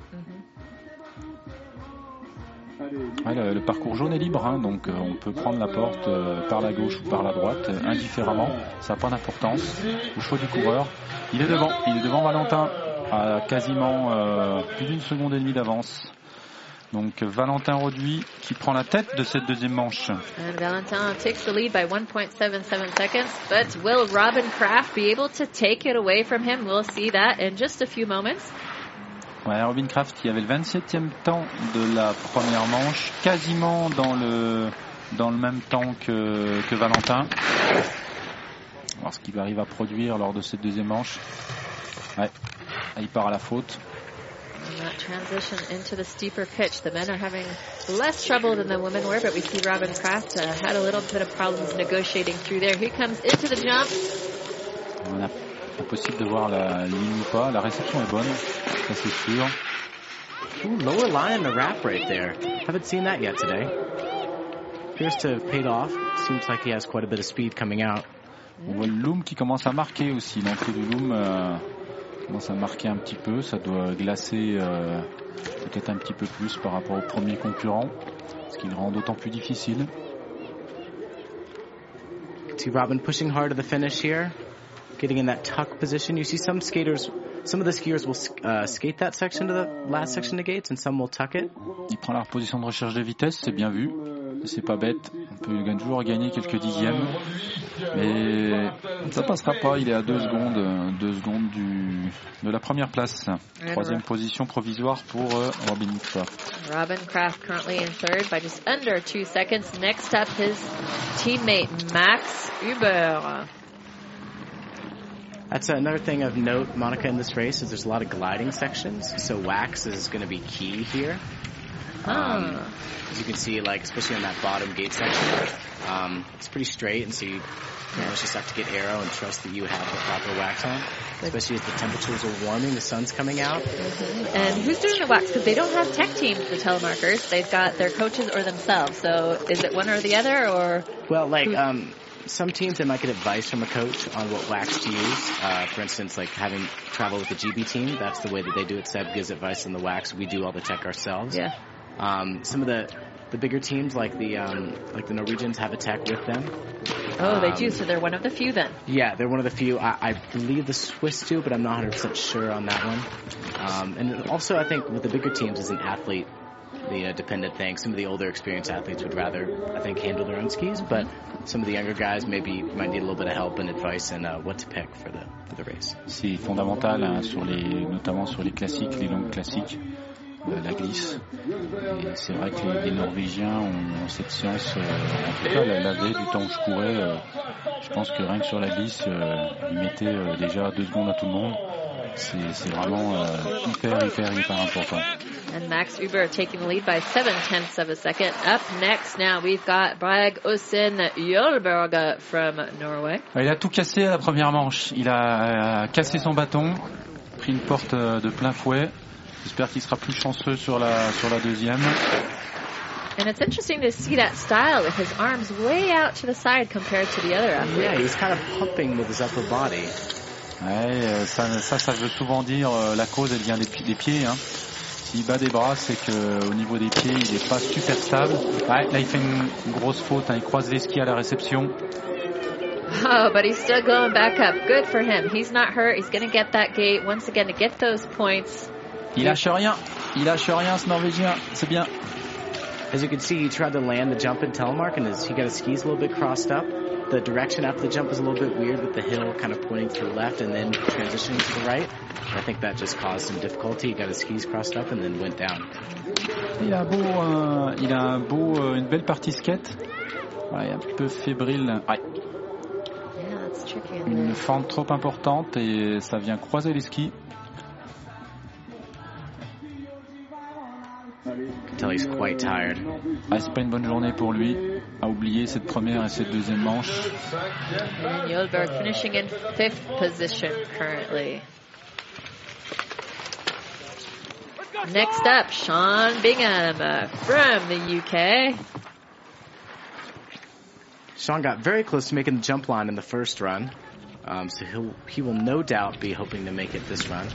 Some good solid skiing in the top section. Very clean, transitioning well. See how he negotiates this tough gate? Yeah, beautifully. Very nice work for Sean going Bien through there without a pour problem. l'instant, ouais. Ouais, c'est bien ce qu'il fait là, hein, sur le, la partie euh, avant le saut. It's going to be close in the line. Looks like he's just about there. Une attitude assez euh, facilement reconnaissable, assez haut, assez droit sur, euh, sur sa jambe avant. Sean has spent a lot of work in the last couple of years working on his skating. Uh, a lot of the Telmark uh, competitors, they come from an alpine background, so they don't have much experience in the skate. Many times at first, they're quick in the GS, but the skate um, is a bit more of a struggle. And Sean came from an alpine background, and it took him a little longer to transition with the skate because he didn't have the Nordic background. But as you can see, he's done a lot of work on it. He's improved a lot in the last two seasons. Hang off. Yeah, he's actually a ski coach too in the. Alpine world, and he takes first place. All right, Nice. Sean by 4.33 seconds. Good for him. You get in that comfy uh, hot seat over there. Looks like they got some uh, animal Animal Fur over fur Looks rugs quite- over there. nice. It's cozy, yeah. Pour l'instant, ça se gagne même avec des pénalités, hein, puisque Sean est devant avec 4 secondes de pénalité. euh, deuxième, euh, Maximilian Huber qui en avait plus 3. Donc euh, les écarts risquent de se creuser si d'éventuels coureurs arrivaient à, à faire zéro pénat. And Maxime Mose going through that difficult red gate up there with no problems at all. Let's. He sets it up for the jump. Ouais, ce- cette réception qui n'a pas l'air évidente. You know, it appears that the lighting's a little bit better for the men. I think that may be playing a role in why they're uh, not having as much difficulty on that turn. Yeah, the sun doesn't hit down here until after 12-ish or Yeah. so. So yeah, it could very well make a big difference in visibility. On, voit que le- le- l'entrée du loom a creusé et du coup les, concurrents quand ils finissent le loom et enchaînent sur la partie skate sont obligés de, retraverser. Ça, ça fait vraiment une bosse. Alors pas du tout évidente à négocier pour euh, emmagasiner de la vitesse pour le parcours fond. And Maxime Mose crossing the finish line at a time of 233.15, nearly a two-second lead over Sean Bingham. The guys are giving each other little high fives there at the finish area. Next up, Allez. we've got Noé Clé. Allez Noé, lui, il va, il va booster ce temps. Il n'a pas été chanceux sur la, la- la première manche, mais il est capable de faire beaucoup mieux euh, s'il fait une manche propre. Il a moyen de... Regardez-moi ça. Ouais, ça c'est bien fait. Super euh, belle attitude là. Pour l'instant c'est parfait ce qu'il fait Noé. Super belle entrée de, de mur. Il fait pas de faute. C'est propre. C'est bien découpé, ça, des virages bien ronds. Une petite erreur avant le saut qui peut lui coûter cher. Peut-être ça va lui coûter la ligne. C'est dommage. Clay looking really smooth un- until that right, that final gate right before until the jump. But uh, compared to his first run, we made quite a few mistakes. Noé Clay is looking really good on this second run. Pour l'instant, c'est une belle course. hein. Il a fait un petit travers à l'entrée du loom. Je pense qu'il a voulu assurer son loom. Allez, finir sur la partie fond. And he looked fast on that turn actually compared to the other guys. Yeah, he did. He transitioned really well. Uh, is a beautiful GS skier, and he had a couple big mistakes in the first run, so he'll be looking to take a big advantage, uh, starting a little further back than he normally would be. And look how low he is to Ouais, the il va, ground. il va être devant, il va être devant, largement devant. Il fait une très belle parcours, euh, une très belle partie skate. 7 secondes d'avance pour le français. C'est bien, c'est mérité. Voilà. 226.16, nearly a seven second lead. And a clean run as well. Wow. Ouais, une manche gorgeous. pleine, une manche pleine pour le, le petit français. C'est parfait. Next up, Baptiste Flamand from France, 18 years old. Baptiste qui était le qui avait le 21e temps de la première manche. Ça va être dur d'aller chercher hein, Noé, parce que là il fait vraiment une, une belle manche. Je pense qu'il peut rester euh, leader pendant pendant quelques temps. Il nous a fait vraiment un- une partie euh, géant sur le haut, magnifique. Went really wide on that tricky gate up there. Oh, a little bit of a Wild in the flailing air. jump, yeah. Mm. Pénalité sur la, la réception. Ouah. Come in hot to the loom. Le loom qui devient de plus en plus, de plus en plus périlleux. Julien, his coach, encouraging him, chasing him down. Go, go, go. Julian's one of the most enthusiastic coaches out there, always running with his athletes. He get more of a workout during the race than his athletes It probably does, huh? How many kilometers is he clocking? Oh, who knows? And here he comes, Baptiste Flamand. There's that red line indicating he has to go back into the telemark. Ah, il sera logiquement derrière, hein, puisqu'il prend 4 secondes de pénalité. Et euh, 2,37 dans la deuxième manche. euh, 2.3531, fourth position for Baptiste Flamand from France. Et le suivant, c'est un Américain, Corey Schneider. Corey Schneider up next, representing the good old US of A. All right, come on, Corey. He had a couple of penalties the first run, but skied well overall. He'll be looking to clean it up and uh, hopefully make that line. Ouais, il fait une belle première manche. Là, c'est fluide. Peut-être pas autant d'intensité Oh, que... was Ouais, beau, belle trajectoire. Il a pris très large, mais enfin, il fait pas de faute. Il conserve suffisamment de vitesse. C'est magnifiquement fait, là. Là, il a, il a taillé Really trois belles courbes dans le mur. Beau saut bien tendu. C'est parfait, là. Alors, est-ce qu'il a la ligne? Ça, on n'en sait pas, mais en tout cas, euh, pour l'instant, c'est c'est très bien fait. Allez, Corey, dans la parcours fond. Looks like Corey came out of that loom pretty well.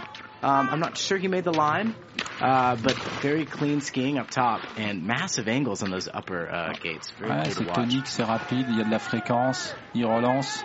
He's looking so strong on the skate. Yeah, wow. high tempo from Corey. He's got some uh, cross country experience in his younger day. Eh ben, il va peut-être aller that. chercher le petit français, Cory, parce que là, pour l'instant, c'est parfait ce qu'il nous fait. À surveiller de près. Il fait un, un beau temps, hein, un temps plus que correct sur la partie skate. Yeah, fighting to the finish. Oh, second place by Il est 1.15. derrière. 227.34 for Corey Snyder. Keeping it close, but Noah put down a smashing time, so I think Corey will be quite pleased with that. Je pense qu'il est un tout petit poil derrière sur la partie géant, hein, l'américain, par rapport au français. L'allemand en course, Léo Müller, And then Müller from Germany, 27 years old. That first gate looked like he had a little bit of trouble in there. Let's see if he can manage through the tricky one that Seb set right that's coming up. Alors là, c'est manifestement beaucoup plus lent sur la partie géant. Beaucoup plus lent que ses prédécesseurs. Bon, c'est propre, hein, mais c'est propre et il a beaucoup moins de vitesse. Alors, est-ce qu'il va réussir à passer la ligne? Attitude un peu arrière sur la, réception.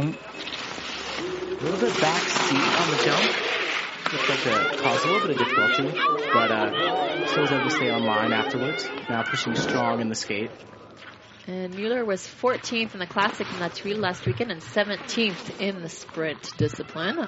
We'll see if he can uh, beat that position, do better than 17th overall here at Pralognon-Lavanoise.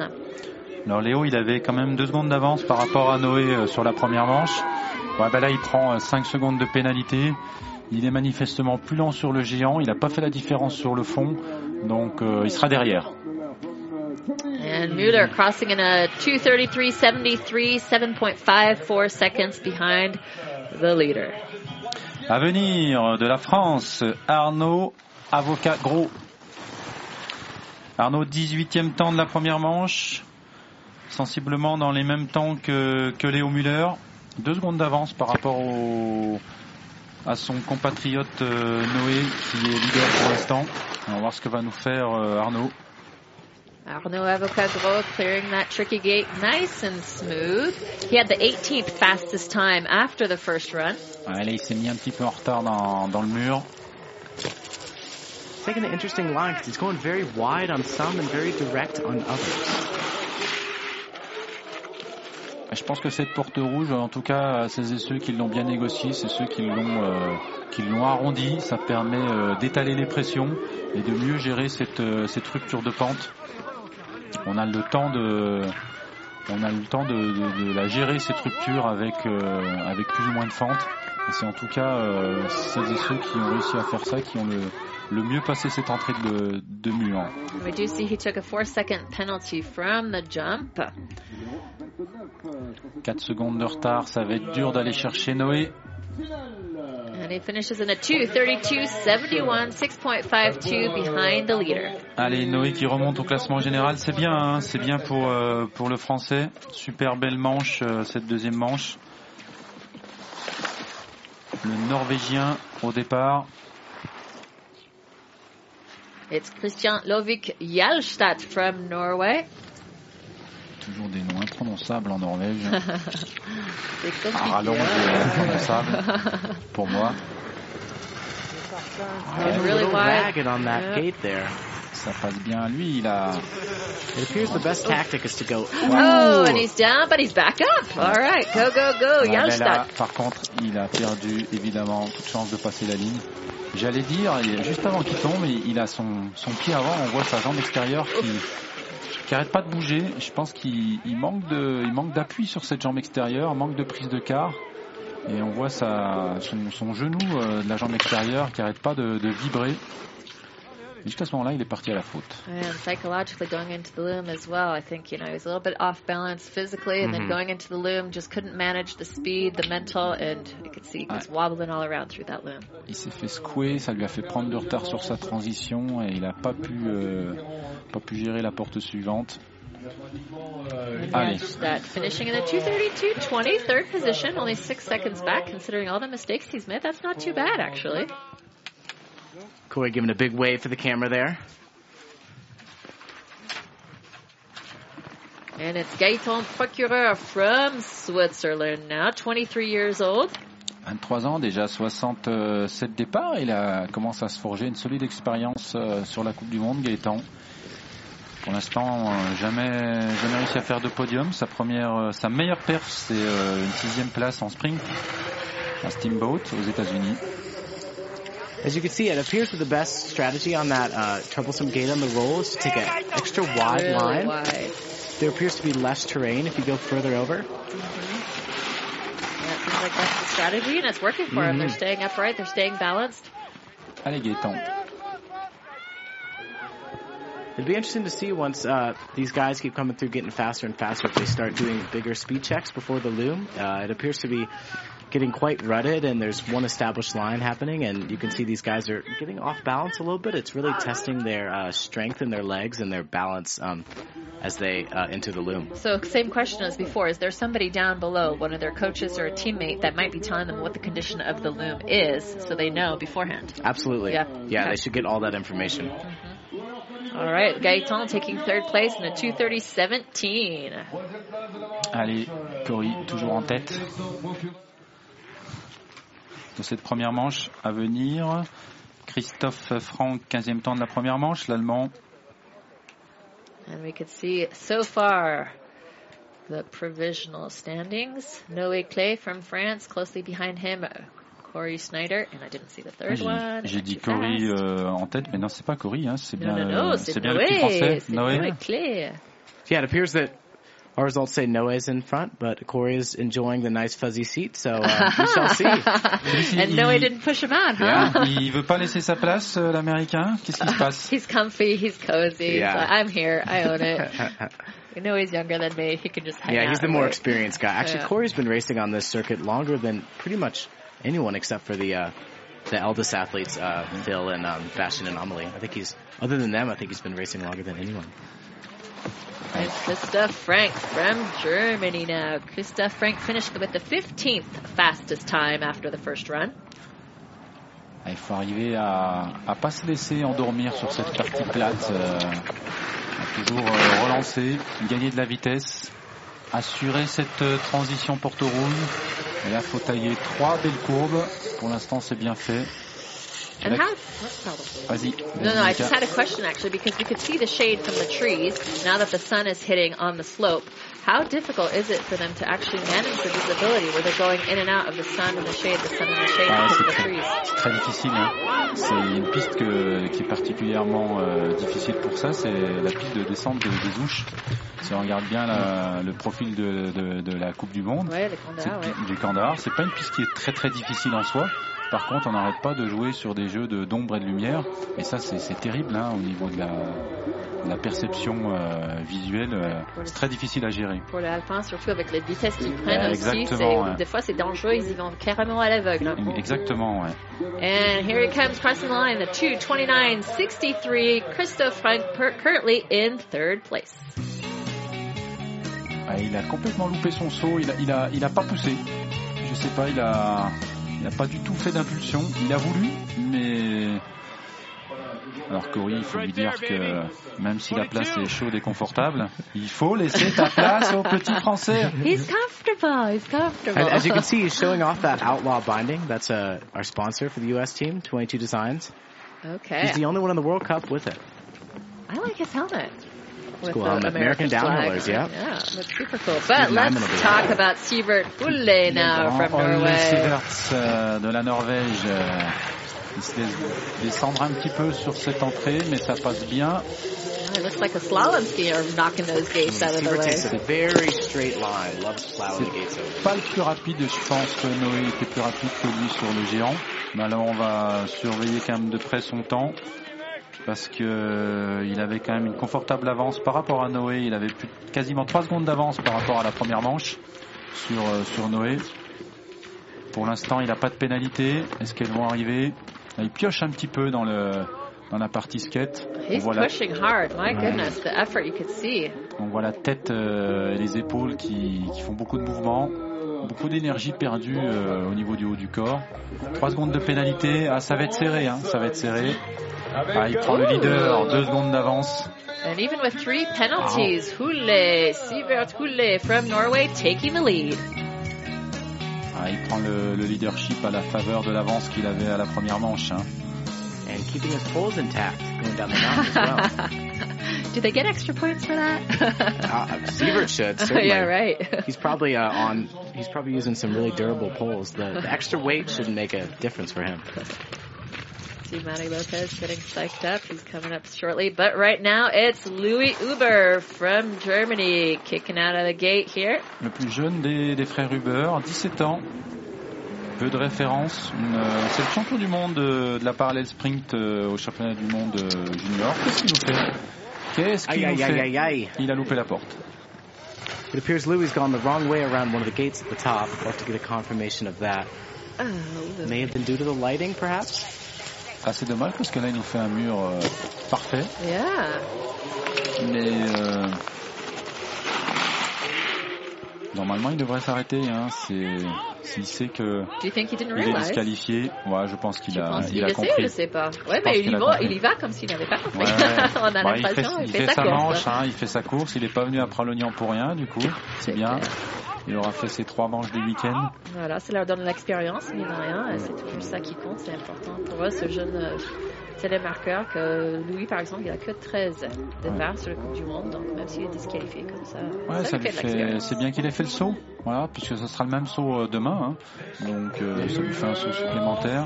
Pour l'instant, c'est la deuxième place, mais de ce qu'on a vu, il aurait loupé cette porte rouge. On va le voir au See right ralenti. here on Là, the il nous fait une petite hésitation. Yeah, it appears he uh, he got his direction wrong and he wasn't exactly sure where that next gate was? Le stress, c'est là qu'on voit euh, combien la course peut, peut complètement modifier la, la, la perception, euh, les perceptions qu'on a habituellement à l'entraînement. On n'est plus tout à fait dans son assiette et ça peut nous faire amener à faire des choses un peu bizarres. Mati Lopez, le grand Mati Lopez, plus de 100 kilos à la pesée, un beau garçon. And here we go with Big Matt, aka the Bomber, Matty Lopez, 22 years old and weighing about 100 kilos apparently. Yep. Son papa était rugbyman. Voilà pourquoi. Rugbyman de haut Okay. niveau à Paris.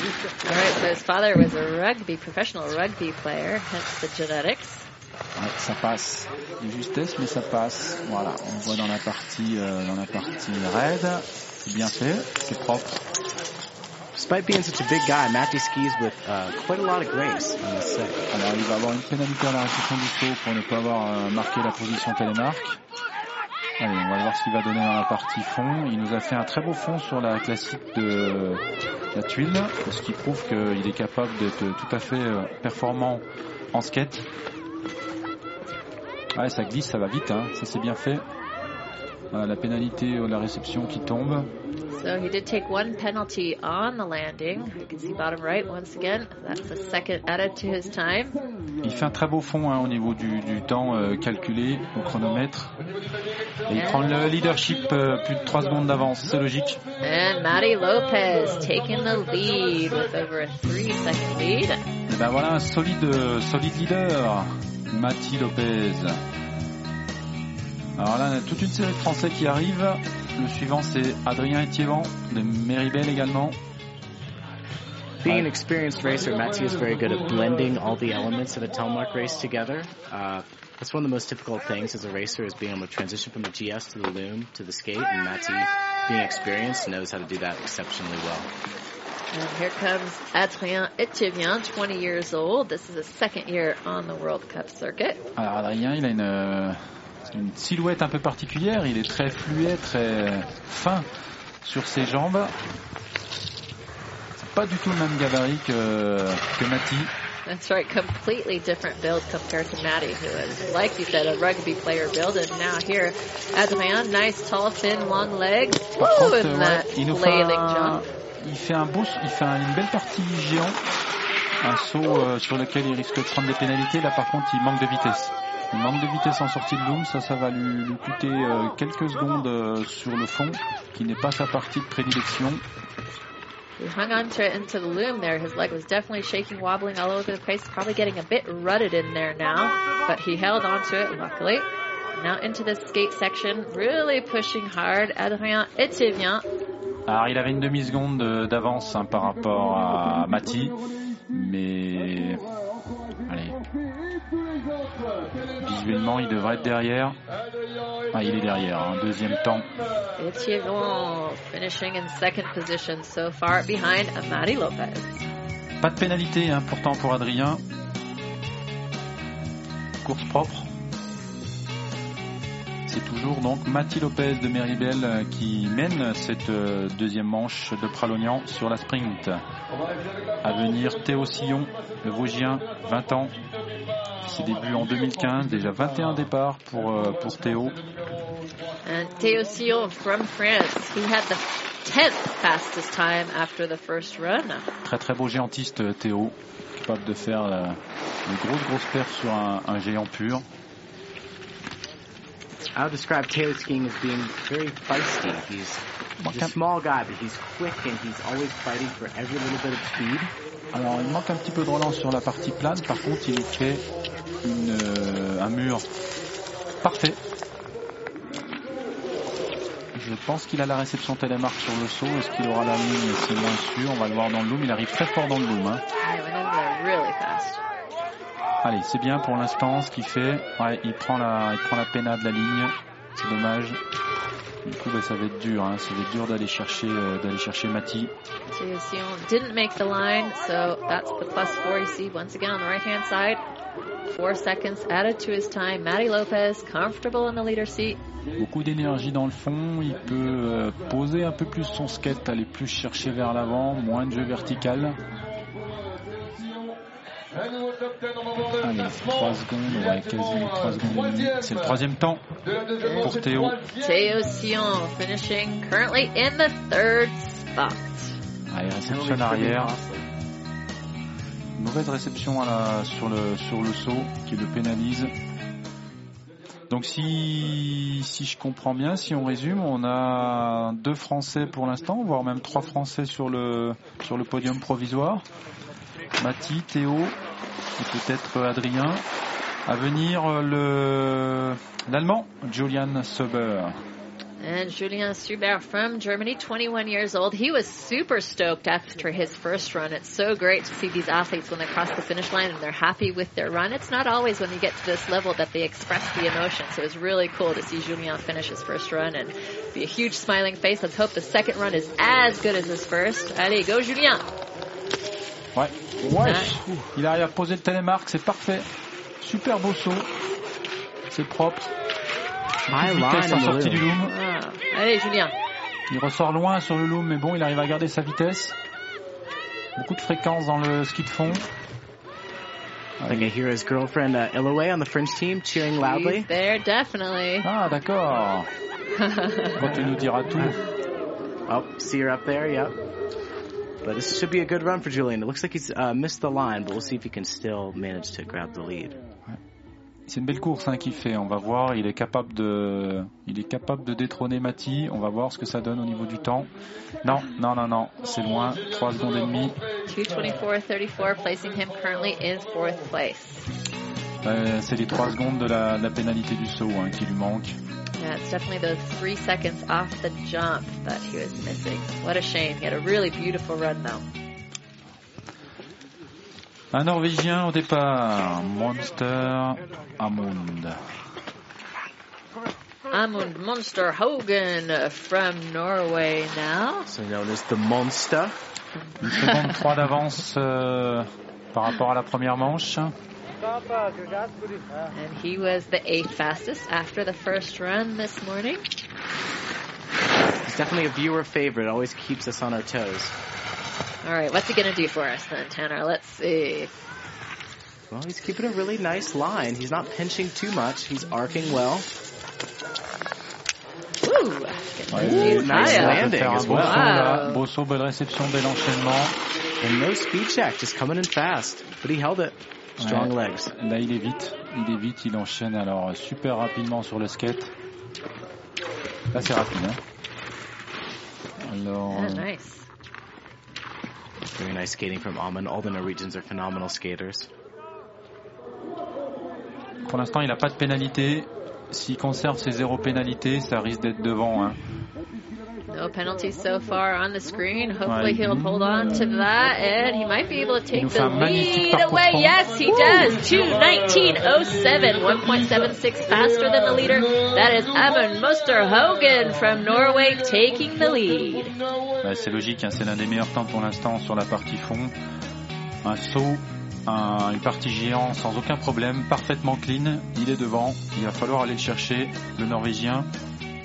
À venir, alors à venir, lui il est tout à fait capable de, reprendre la première place. C'est le Suisse Nicolas Michel.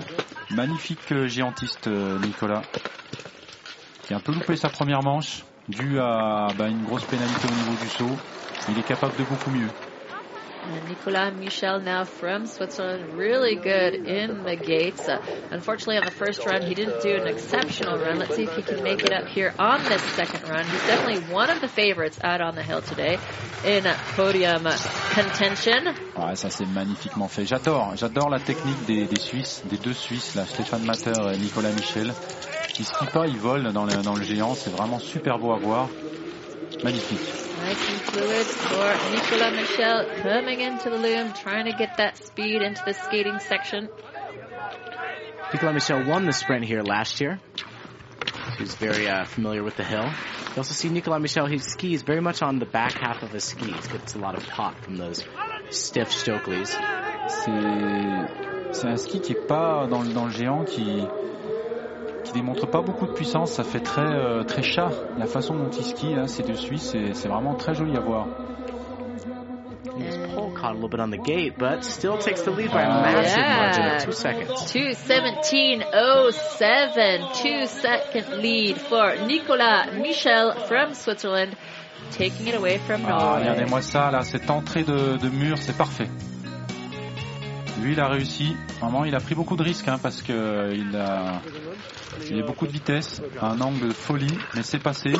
Il explose le temps en fond, il fait un super géant, donc logiquement, il est, il est devant. Il va falloir aller le chercher cette fois-ci, Nicolas Michel. On va voir si Elie Nabo, le français, va y arriver. Ski Club Lamoura, Jura. Elie Nabo now from France, sixth fastest time after the first run. Alors Elie Nabo, il était... Ouais, il avait une seconde d'avance quasiment à la première manche par rapport à Nicolas Michel. Il va falloir... Ouais. Complètement no, no, déstabilisé. complètement déstabilisé à l'impact du piqué. Ouais, là, ça va être difficile hein, pour Eli. Il a perdu de la vitesse, il fait pas la ligne.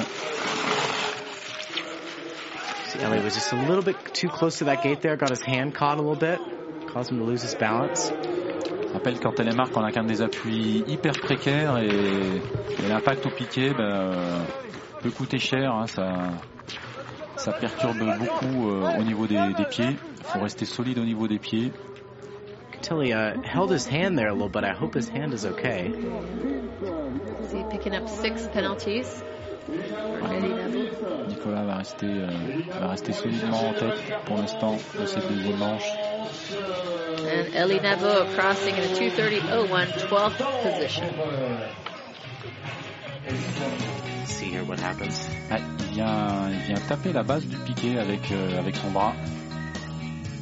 J'espère qu'il s'est pas fait mal d'ailleurs, parce que ça c'est dangereux. Hein, le, le piqué il est souple si vous le prenez en haut, mais si vous le prenez à la base au niveau, du, au niveau de la rotule, ça peut faire très très mal.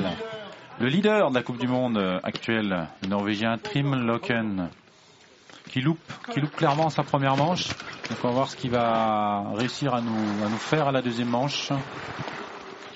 And Trem Loken from Norway, currently the overall leader of the 2019 uh, Telemark World Cup. He had a first run that wasn't that spectacular, made quite a few mistakes. Uh, we'll see if his second run it works out better for him. Il n'est pas impressionnant, impressionnant dans le géant. C'est propre. C'est propre. Il perdra pas beaucoup de temps par rapport au, au Suisse Nicolas Michel. On va voir ce qu'il va donner dans le saut. Pour l'instant, c'est impérial. The biggest thing for Trim the first run is he barely missed the line, which proved costly, which uh, knocked him back to fourth position. But he is uh, the strongest skater on the circuit, I would say, and um, had a flawless run so far. So I think it's possible he could make that up. Et il nous a fait un loom, mais c'est c'est fabuleux, hein, le loom qu'il vient de nous faire là. Euh, lui, il arrive à, à prendre beaucoup d'angles, à générer beaucoup de vitesse à la sortie du loom. Alors déjà qu'il est impressionnant dans le fond, euh, en faisant des, des entrées de ski de fond, ouais, il pulvérise le temps de ski de fond, plus d'une seconde par rapport à ce qu'avaient fait ses prédécesseurs. Ouais, il est largement en avance. hein. And Loken takes the lead by 2.87 seconds. He was extremely fast in the skating portion of this second run, about a second faster than the other athletes. Ça serait intéressant de, revoir son loom. euh, C'est vraiment, il, fait une sortie de loom euh, extraordinaire. Mais bon, après, euh, on sait que c'est pas sur la partie skate qu'il va perdre du temps. Magnifique course de, trim. Beau temps de référence. À suivre Bastien Dayer. Bon, les temps progressent, les temps progressent, mais là, on commence à avoir des barrières qui vont être difficilement euh, franchissables. Trim, il a vraiment fait un, un énorme trou. Il va falloir aller le chercher. Pour l'instant, Bastien, il fait un, un super euh, géant. Il va dans le dur, là. Ah, c'est bien fait. Bastian Dyer from Switzerland on the hill now, fourth fastest time after the first run and looking really clean and smooth coming into this jump, tucking up those knees. C'est parfait pour l'instant. On regarde les pénalités. On n'en a pas vu euh, à l'œil nu. C'est un petit peu déstabilisant le loom. Donc il sort avec moins de vitesse que le Norvégien. Ça va être chaud. Bastian also a phenomenal skater. You see, he had a little speed check going into the loom, which I think proved uh, to, to his benefit because he came out with a lot of speed.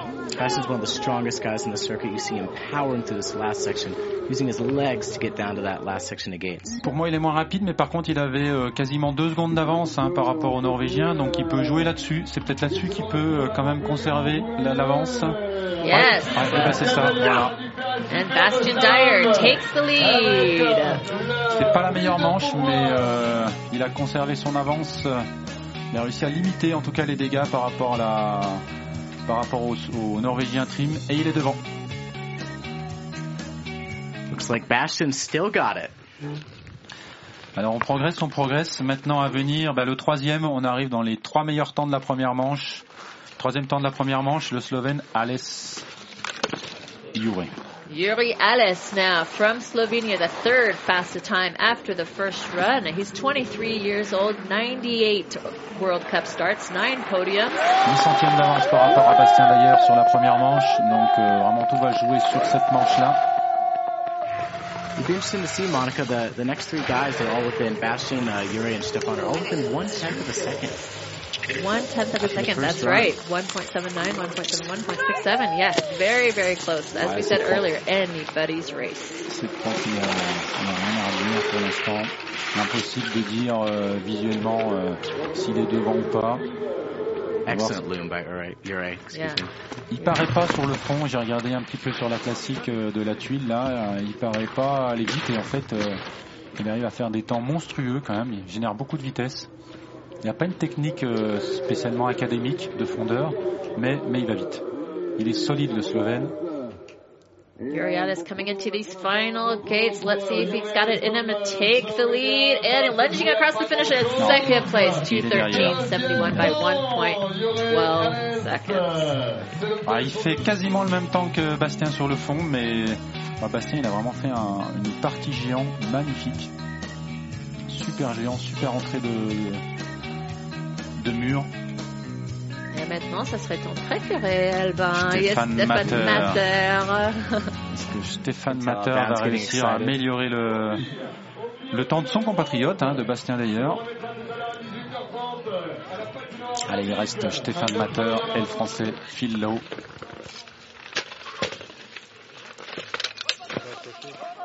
On va faire un géant impérial.